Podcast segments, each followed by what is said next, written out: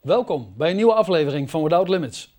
Matthäus 19, vers 26 zegt: Bij de mensen is het onmogelijk, maar bij God zijn alle dingen mogelijk. We hebben een God, Without Limits. We gaan vandaag beginnen aan een nieuwe serie over gebed. Twaalf aspecten over gebed voor een rijker geestelijk leven. Daar gaan we het over hebben. En dat doe ik met niemand minder dan Hans Achteres. Hans, van harte welkom weer bij Without Limits. Dankjewel Henk. Je hebt een geweldige studie voorbereid. Twaalf afleveringen gaan we maken over gebed. Uh, vandaag de aflevering waarom geloven gebed aantrekkelijk is. Ja. Jij hebt die titel uh, gemaakt. Maar dan denk ik gelijk, aantrekkelijk. Vele mensen bidden niet. Hè? Die, denken dat misschien, die vinden dat misschien onaantrekkelijk. Ja, ik kan dat uh, inderdaad heel goed begrijpen. Want God is toch iemand die we niet zien. En niet direct kunnen tasten of kunnen vatten. En dan denk je, ja, waartoe moet ik bidden? Waarom moet ik bidden? En tot wie? En is het zomaar uh, dat je spreekt of praat in de lucht? Ja. Uh, ik heb wel eens een keer een meisje ontmoet dat ik evangeliseerde. Ik kan me herinneren in de binnenstad van Zwolle. En, uh, en die zei van, goh, nou je het over God hebt, sorry, maar ik heb er nog nooit bij stilgestaan. Nou, die schat ik op 20 jaar, dat meisje. Ja. En, en dat vond ik zo verbazingwekkend. Ze zei, en dat meende ze natuurlijk oprecht. God, ze zegt nou, het is dat u het erover hebt, maar ik heb er nog nooit bij stilgestaan. Ja. En uh, het is wel zo bij God dat wij weten uit ervaring, Hij laat zich vinden door degene uh, ja, die Hem zoeken. Ja, dat zegt de Bijbel, hè? zoekt en gij zult vinden. Absoluut. Als je inderdaad echt een oprechte uh, zoektocht begint vanuit het hart, dan wil God zich laten vinden. Maar we zijn natuurlijk gewend om op onszelf te vertrouwen. Want dat is een basisvertrouwen, dat geeft rust, dat is ook vertrouwd. En uh, bidden vraagt toch wel een houding om een ander, en dan met hoofdletters, binnen te laten. Nou, dat is natuurlijk denk ik gewoon revolutie. Als je dat niet gewend bent om uh, een ander, maar dan met hoofdletters, dus in dit geval zelfs je schepper, om die uit te nodigen, dan kom je tot een nieuwe ervaring. Dus je kunt inderdaad uh, soms zeggen, oei, hè, maar dat doe je pas wanneer je hem echt nodig hebt. Wanneer je echt denkt, ik ben in omstandigheden en ik roep hem aan. En dan kan het wezen dat God zich inderdaad laat vinden, omdat je het van hem verwacht. Ja. En uh, de Bijbel die leert dat normaal gesproken moet je uh, eigenlijk soms in moeilijkheden komen, moet je het soms moeilijk hebben, moet je soms ziek zijn. Want uh, Jezus zegt, zij die gezond zijn, hebben de geneesheer niet nodig. Maar zij die ziek zijn, hebben de geneesheer wel nodig. En Jezus die, die komt vaak om de hoek wanneer er soms een moeilijkheid is. Ja, omdat Dan- de mensen dan God gaan zoeken. Dan hebben ze hem Ja. nodig of denken ze we hebben iets bijzonders nodig. Eh, de moeder van Jezus die wist dat de wijn opraakte bij een groot bruiloftsfeest. En op een gegeven moment ja, doet zij een beroep op hem. En hij inderdaad laat zich opnieuw vinden. In die zin, hij voorziet, ik meen in ongeveer 600 liter nieuwe wijn. hij maakt water in wijn. Nou, dat is Jezus. En dat vind ik het bijzondere ook. Eh, om te geloven in Jezus, om te bidden, om soms te bidden. Want dan gebeurt er wat. Dan ga je bemerken dat wat water is normaal normaal. maar dan gebeurt er iets exclusief. Water verandert in wijn. Nou, dat is het goddelijke of het menselijke verbindt zich met het goddelijke.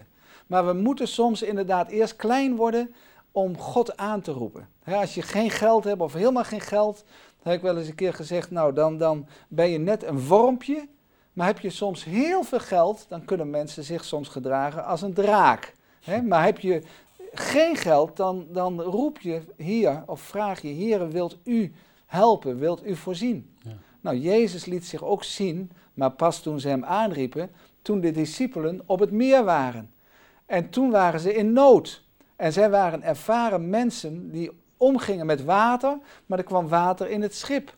En ze waren echt eh, dat ze zeiden, we verdrinken, we verdrinken. Ja. En Jezus sliep daar. Je zou zeggen, hij werd niet wakker door hun geroep, niet door het gekraak, niet door de storm. Maar toen ze op een gegeven moment dachten, oh, wacht even, we hebben Jezus nog. Kijk, toen gingen ze naar Jezus toe en die lag daar. En toen ze hem aanriepen en ze zeiden, Jezus, hè, wij verdrinken. Toen werd hij wakker en hij stilde eerst de storm in het hart.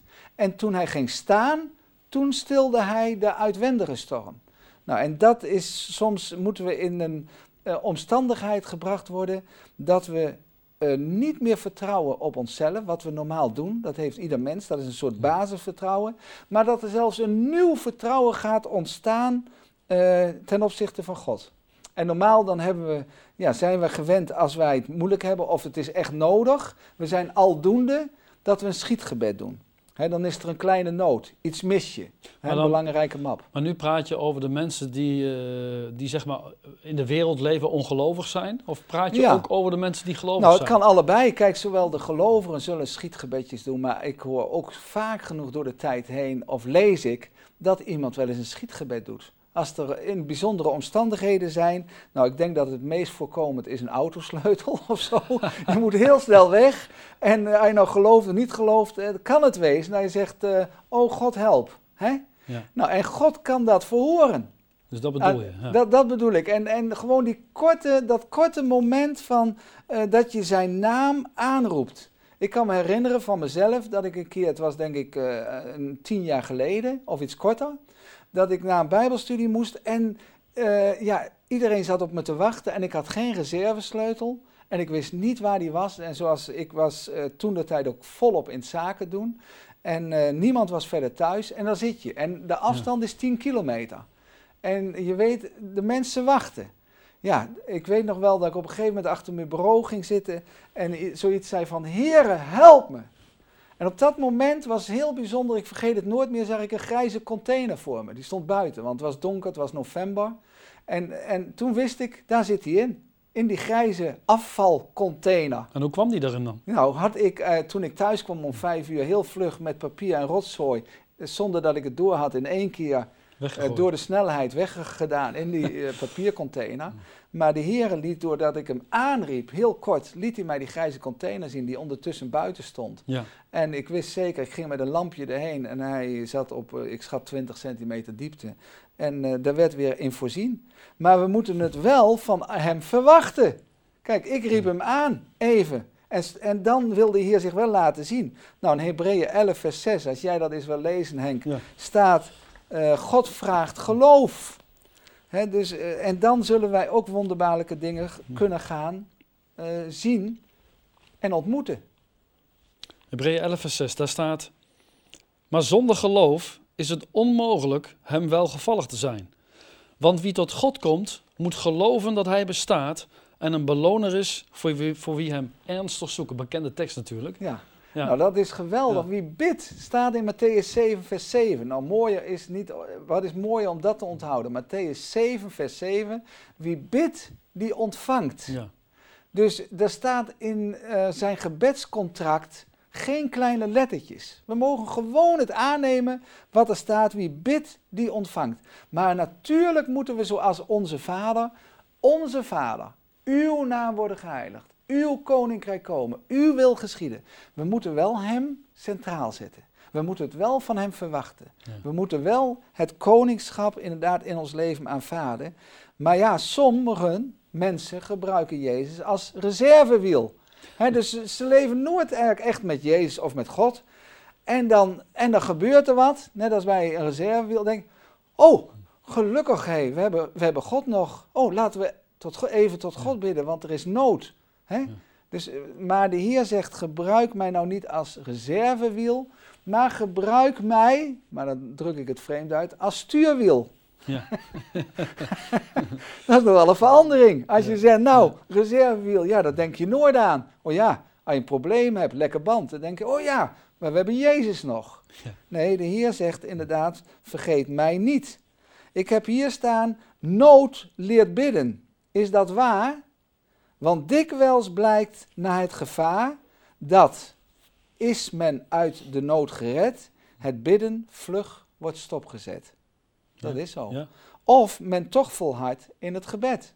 Maar ja, dat zijn de echten. Ja. Die volharden in het gebed en die, die maar, het verwachten van hem. Maar heb je daar niet een, uh, een, echt een persoonlijke relatie met Jezus voor nodig? Om ja, zeg maar zeker. iedere dag uh, te bidden? Zeker, je moet echt je verbinden met hem. Ik ga daar in een andere studie ook weer op in, dat je echt verbindt met hem, want hij wacht op je. Want inderdaad, wat je zegt, als wij dan ontvangen, ja, dan is de vraag, denk aan de duim van D, Hè, waar blijft de dank? en, en kijken we dan nog steeds Ja. naar omhoog als hij dan ons gebedje heeft verhoord? Ja. Jij zei het, hè? eh, God is een beloner voor wie hem ernstig zoeken. Maar eh, dat klinkt wel een beetje positief. Eh, ja, nou in feite is het ook positief. Want wanneer wij onze handen vouwen, denk eens aan wie bidt, die zal ontvangen. Wie klopt, zal opengedaan Ja. worden. Dat wij niet, zo zie ik het, elke minuut, elk uur, elke dag zo door het leven moeten. Dat is krampachtig. Ja. De Heer zegt, bid, maar daarna moet je gewoon zo door het leven Ontvangen. ontvangen. Ja.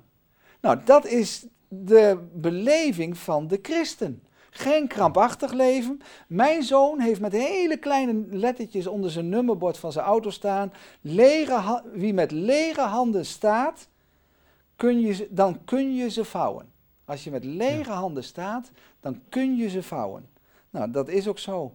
Maar je, het, het is aantrekkelijk. Waarom is nou gebed aantrekkelijk? Want het blijkt in de praktijk, en dat is ook mijn ervaring, en de Bijbel spreekt erover, als je dat wil lezen, Henk, in Romeinen 8, vers 6, Ja.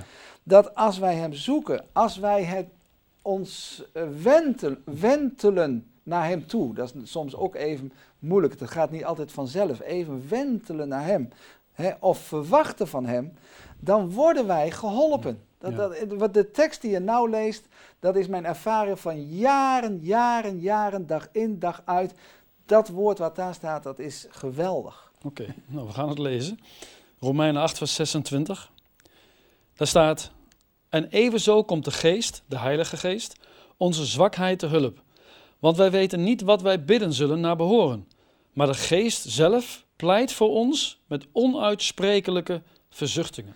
Dus wij weten soms zelf geen eens wat wij moeten bidden soms. Maar wij krijgen ondersteuning door de Heilige Geest. Want wij weten zelf soms niet hoe wij moeten bidden, wat we moeten bidden. Maar ik vind ook een van de mooiste dingen in die tekst, dat maar de Geest komt onze zwakheid als mens te hulp. Ja. Dus wij doen onze mond open. Ik zal hem niet te wijd open doen, maar doe hem gerust wijd open. Dan staat er in Psalm 81, ik zal hem vullen. Ja. Doe uw mond wijd open. Dus je weet geen eens, wat moet je bidden? Hoe moet je bidden? Ik wil een tijd bidden, hoe kom ik die tijd door? Maar de Heer zegt, doe jouw mond wijd open. Dan zal ik hem vullen. Nou, dat is mijn ervaring ook. Ik doe mijn mond wijd open en ik, ik, tuurlijk moet je even wachten en verwachten, daar heb ik het net over gehad. Je moet je wentelen op God, dan gaat Hij je vullen. En een van de mooiste teksten is, en dat krijgen we straks denk ik ook nog, is Psalm 27, vers 8, waarin staat, van uwentwege zegt mijn hart, zoek mijn aangezicht. Van uwentwege zegt mijn hart, zoek mijn aangezicht. Dus met andere woorden, daar is dus een trekkende kracht. Jezus is opgestaan en die is bezig om ons, een beetje raar uit te drukken, te bewerken. Hm. Hij vormt je hart, hij neigt je hart tot hem. En ja, dat maakt me enthousiast. Ik, ik ben over gebed absoluut eh, enthousiast. Ja. Het, je zou dus kunnen zeggen, dus bij, zelfs bij het bidden worden wij geholpen. Dan, dan worden we geholpen. Je gaat bemerken van de Heere die is daarbij. Ja. Want jij zei net van, ja, dan doe je je mond open en dan gaat God hem vullen. Ja. Maar eh, kun je even voor de mensen die het niet begrijpen uitleggen van waar vult hij jou dan mee? Met woorden of... of Nou, het kan wezen dat hij je vult met gedachten. Meestal is het zo dat als je op hem afgestemd blijft, dus je moet je concentreren, hè, want dat vraagt God ook. Jezus zegt, eh, je moet kloppen en dan zal je open gedaan worden. Dus hij is een beloner, Ja. heb je gelezen, hij is een beloner van wie hem ernstig zoeken. Ja, dus als je hem zoekt, dan gaat hij geven zodat je ontvangt. Als je hem zoekt, dan zal hij zich laten vinden. Anders is God, anders is Jezus een leugenaar. Ja. Maar toch zullen Maar mensen dat is zijn... hij niet. Ik probeer even te denken als een ongelovige. Toch zullen er misschien mensen zijn die nu kijken. Hè, eh, die zeggen van, eh, ja, maar ik heb al zo vaak gebeden, maar ik hoor nooit wat, er gebeurt nooit wat. Eh, volgens mij bestaat God niet. Ja, nou, ik, dan denk ik van, open Hebreeën 11 vers 6. Leg je hand in het geloof op dat woord. Ja. En zeg, Heere, Of God, ik ken u misschien niet, maar ik lees nu dit woord in Hebreeën 11, vers 6. Wilt u zich bekendmaken? Ja. Bestaat u echt? Ja. Hoort u mij? Wilt u mij dan ook laten zien dat u mij verhoort en dat u leeft? Ik leg mijn hand in het geloof en vertrouwen op Hebreeën 11, vers 6. Ja. En dan geloof ik dat God een waarmaker is van zijn woord. Want anders was ik al lang afgehaakt, teleurgesteld Ja. en dacht van... jongen, dat is een projectie van jezelf en noem maar op. Ja. Nee, gebed is mooi. Je komt bij, op audiëntie bij de Allerhoogste. Als ik weet dat ik morgen naar koning Willem-Alexander ga, doe ik mooie kleding aan. Hoeft niet. In gebed geen bijzondere kleding. En wat zo mooi is, wij hebben een bed, bad, douche en aanrecht geloof. Je kunt overal bidden. Ja. Je hoeft niet te zeggen, ik ga naar een kerk en ik ga bidden. Tuurlijk is dat op zich goed, maar je kunt overal bidden. Zelfs op de fiets, in de auto, onder de Zeker. douche. Ja. En, en, en ook van, je hoeft niet wel bespraakt te zijn. Ook stotter je. Dan kan de Heer een bijzonder gebed gaan verhoren. En moet je altijd hardop bidden? Eh, nee, dat hoeft ook niet. We krijgen het daar ook nog later over. Maar de Heer verhoort ook eh, fluisterende gebeden of zelfs innerlijke gebeden. Nee, het is, je hebt geen opleiding nodig voor gebed. Het- je hoeft niet je bijzonder aan te kleden. Je mag komen zoals je bent. En in allerlei omstandigheden kun je komen tot Hem. Onzekerheid, pijn, verdriet. Je bent om raad verlegen. Nou, wie is soms niet om raad verlegen? En je hebt het gevoel en dat is dus God zelf. Het menselijke verbindt zich met het goddelijke van iemand hoort. En het is een machtig wapen, want krachten komen vrij. Je verbindt je met de hemel en de hemel verbindt zich met de aarde.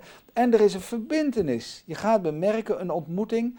Want als Jezus jou geroepen heeft als zijn kind, dan word je geroepen voor je eerste roeping tot gemeenschap met Jezus Christus. Dus je hebt geregeld contact, gemeenschap met Jezus Christus. En alles mag gezegd worden. Als je het moeilijk hebt, als je strijd hebt, als je worstelt, ook met God. Alles mag je zeggen. Ja. Maar je zult één ding bemerken als je gaat bidden. De sterken, mensen die zich zo voelen in het leven. En ze gaan oprecht God zoeken en bidden. De sterken worden verzwakt. En de zwakken worden versterkt. En waarom is dat? Dat is Gods geheim.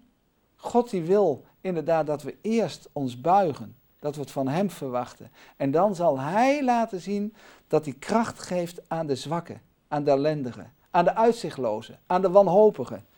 Hij wil inderdaad laten zien dat hij ons niet afwijst als hij het van ons verwacht. Hij zegt net zoals het kruis van Golgotha, geopende armen, welkom. Hè, en, en dan wil hij je verhoren. Ja, dat is makkelijk. Dat is geweldig. Ja. Dat is geweldig. Eh, je zou eigenlijk kunnen zeggen, bidden is praten met God. Hè, want eh, veel mensen die bidden, eh, maar die vragen alleen. Heer, wilt u dit? Heer, wilt u dat? Heer, wilt u zus? En Heer, wilt u zo? Amen. Hè, maar, maar bidden is toch ook praten ja, met God? dat is zeker. Je gaat communiceren, je gaat God dingen voorleggen. Ja, Eh, inderdaad, daar hoort ook zeker vragen bij, maar het is ook aanbidding. Kijk. God kunnen we niet altijd begrijpen, maar we kunnen hem wel bewonderen. ja, En dat wil hij ook laten zien. En, maar de Heer wil allereerst, denk ik, een knielende houding. Alle cadeaus in Gods winkel liggen op de onderste plank. Alle cadeaus van God in Gods winkel liggen op de onderste plank. We moeten bereid zijn om inderdaad Ja. ja. te knielen. Je hebt het over cadeaus. Eh, wat zijn die cadeaus dan? Ja, nou, ik denk zelf, vrede met God. Als je contact hebt met God, geeft hij je vrede. Krijg je ook vrede met de mensen. God is liefde. Ontvang je ook liefde. Word je ook wat liever voor de mensen. God is een helper. Je wordt geholpen. Nou, en dat heeft allemaal zijn uitwerking. Alle positieve dingen die je kunt bedenken, heeft God inderdaad in zijn schatkamer. Ja. En die wil hij meedelen, maar eerst verbinding. Ja. En er staat in de Bijbel, al wat je bidt en begeert, Ja, geloof dat je het hebt ontvangen en het zal gebeuren. Ja, een tekst. Geweldig. Dus het menselijke en het goddelijke vloeit samen, maar de kijker, en dat geldt ook voor mij en voor jou Henk, moeten wel het zesde zintuig gebruiken. We hebben onze oren, ogen en oren en smaak en noem maar op. Maar het zesde zintuig is geloof. Ja. En als je dat in werking gaat stellen, gaan we bemerken, net zoals Jozef, God die mij als een herder geleid heeft. Dat zegt Jozef. En ik heb wel eens tegen mensen gezegd van, ja, net zoals bij de ring. Kijk, dat je kunt zeggen, de hier is mijn, hier is de ring, herder. Dat u kunt zeggen, de hier is mijn herder. Ja. Nou, als, en dat wordt dan in je ervaring. En wij zijn een schaap. Ja, soms snap ik het ook niet waarom we schaap zijn, want van voor is een schaap altijd eh, ja, lelijk. En achter is die, van achter is die altijd vies, maar toe maar. We zijn een schaap. en we hebben te maken met een opperherder. Ja, dat is eh, geweldig. Prachtig. Dus eh, wie bidt, die ontvangt. Als wij verwachten, mogen wij verwachten dat ook onze verwachting vervuld gaat worden. En hij wil voorzien, stoffelijk. Hij wil voorzien in onze behoeftes, gewoon stoffelijk. Gewoon zoals we hier op aarde leven, Jehovah Jireh. Dus eh, ik kan me herinneren dat ik een keer extra ruimte had, no- nodig had voor een garage. En ik had al een garage, maar ik had dat nodig. En terwijl ik het nooit verwacht had, want die man die sprak ik nauwelijks. Maar die stond voor de deur en die zei, Hans, als je mijn garage wil kopen, dan kan dat. Nou, toen zei ik, wat je ook biedt of vraagt, ik geef je absoluut het meeste. Maar hij stond er op het juiste moment. God voorziet. Ja, mooi is dat, hè? Ik heb dat zelf ook ervaren hè, in, in, in mijn bediening en ik zie dat ook wel in andere bedieningen. Hè, dat, eh, hè, zoiets ontstaat ook door gebed en door geloof en door gehoorzaamheid. Hè. Het is een combinatie, denk ik. Hè, je zei in het geloof eh, dat je het ontvangen hebt en het zal geschieden. De Heer legde echt heel duidelijk op mijn hart dat ik televisie moest gaan maken. En eh, het evangelie ook moest gaan verkondigen via televisie. En eh, natuurlijk bid je daarover. En toen heb ik ook stappen in geloof gezet. Ik had in principe nog geen partners, we kregen nog geen giften. Toch zijn we een ruimte gaan huren, we hebben apparatuur gekocht en we zijn begonnen.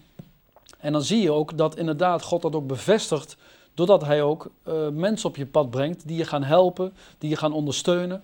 En nu zitten we al jaren op televisie en kunnen we dit programma maken hè, om mensen te bereiken. Hè, maar het, is eh, ja, ook ontstaan door gebed, geloof en gehoorzaamheid. Nou, ik denk dat zijn de hemelse ingrediënten. God vraagt geloof, maar sommigen die zijn ongelovig. Die, die zeggen, eh, onze Vader die in de hemelen zijt, uw naam wordt geheiligd, uw koninkrijk komen, uw wil geschieden. En dan zeggen ze, geef ons heden ons dagelijks brood en één voor de diepvries. ja, zo is de mens. Ze- maar, maar de Heer zegt, kom als gewone mensen, hè, inderdaad, om eh, te vragen en je zult ontvangen. Hier lees ik in Psalm 4 5 vers 4, Heere, des morgens hoort gij mijn stem. Ja. Des morgens leg ik het u voor en zie uit. Geeft dit eigenlijk aan dat het, dat het goed is om bijvoorbeeld ochtends stille tijd te hebben? Ja, ik denk, mo- s'morgens dan ervaar je de goede tierenheid. God tiert van goedheid. Die ervaar je in het bijzonder op de morgen. Op de middag is het meer het kompas. Dat je zegt, nou, hoe staat het? Helder, klaar. En hoe sta ik ervoor? En s'avonds is niet altijd het makkelijkste. Dan komt er de duisternis, de donkerte, de vaak de verleiding. Denk maar eens aan de televisie. Eh, en dan is de vraag, zijn mijn lampen nog brandende? Ja. Maar elke dag vertelt hoe groot God is. Dat is Psalm 19, vers 3. Elke dag vertelt hoe groot God is. Niet dat je alleen denkt aan het eind van de dag, elke dag heeft genoeg aan zijn eigen kwaad. Nee, aan het eind van de dag zou je gewoon op bed kunnen liggen. En, en dat is mijn ervaring ook. Overdenk eens de dag waarin je Gods goedheid zag. Of Gods kracht. Of voorziening. Of genoot je van de zon. Of kwam er iets hemels over je. Of was er toch een mooi moment. Nou, noem maar op. Ja, ja prachtig. Hè? Dat is eigenlijk een mooi advieshand wat je hier geeft. Hè? Om, om, om, om aan het einde van de dag dat te doen. Dat vind ik wel mooi. Ja, dan, dan ga je bemerken van als je zo gaat denken, dan wordt het allemaal lichter. En dan, dan eh, ik denk altijd, een kip is altijd maar bezig met de aarde, ondanks dat hij vleugels heeft, die snapt er niks van. maar we moeten een meeuw zijn, kijk, die is ook bezig op de wind. Ja. Hè? En, en, en die geniet ook. Nou, ik denk, zo mag het leven van een kind van God ook zijn. De mens verbindt zich met God en de God verbindt zich met een mens die eigenlijk van as en stof is. En hij is een beloner. En God inderdaad, die zorgt gewoon dat, je, dat hij iemand is die eh, ook eh, voor gewone mensen wil hij laten zien dat hij een hulp is. Ik heb hier een aantal namen staan. Jacob bijvoorbeeld bad omdat hij eh, zich niet had verzoend met Esau. Nou, en hij bidt, Heere, help me. En God helpt hem. Jozef bad en hij werd onderkoning. Jozua bad, ja wat ik nu zeg is ongelooflijk, dat de zon en de maan verlicht werd in de nacht. En de Heer verhoorde het.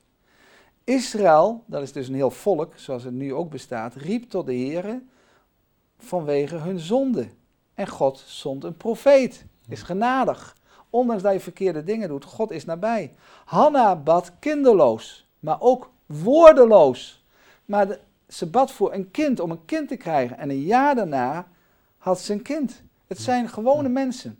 Ik zei pas geleden tegen iemand, die moest enorm lachen. Maar ik zeg, kijk, u heet Annette, ik heet Hans. Zo heb je ook Mozes. En vermoedelijk was zijn vader Mo 5. ja, je, noemde, je noemde net al die dingen hè, van uh, mensen die gebeden hadden. En uh, dat God dan het bed, uh, gebed verhoorde. Ik zeg ook altijd, God is een God die hoort. En God is een God die verhoort. maar soms is het antwoord ook nee. Dat kan ook. En dat kan ook een geweldige gebedsvoering zijn. Misschien komen we daar later nog op terug. Ja, zeker. Uh, we hebben nog uh, anderhalve minuut. Maar hè, met wat je net ook liet zien, hè, dat, dat, dat is eigenlijk ook hè, de strekking van ons programma, Without Limits. We hebben een God without limits, want wat bij de mensen onmogelijk is, is mogelijk bij God. Dat blijkt ook wel uit al die gebedsvoeringen die je net noemde. Ja, en dan word je ook blijer. Dan word je, en, en leer je ook God kennen. Hij zal natuurlijk niet ieder gebed verhoren. Want laat nou maar stellen dat hij alle gebeden van ons vieren alleen maar zou verhoren. Ja. De ene bidt voor, ik heb zo'n behoefte aan een, een motregentje. Een ander zegt, nee, ik wil eens een keer donderwolken zien. Een derde zegt, nee, stralende zon. Nou ja, dat wordt natuurlijk onweer bo boven. Ja. dus God verhoort absoluut niet ieder gebed. Ja. Ja. Maar het is wel fascinerend om het te doen, want je zult bemerken, je wordt verhoord en God is met je. Ja. Amen. Amen. Dankjewel Hans.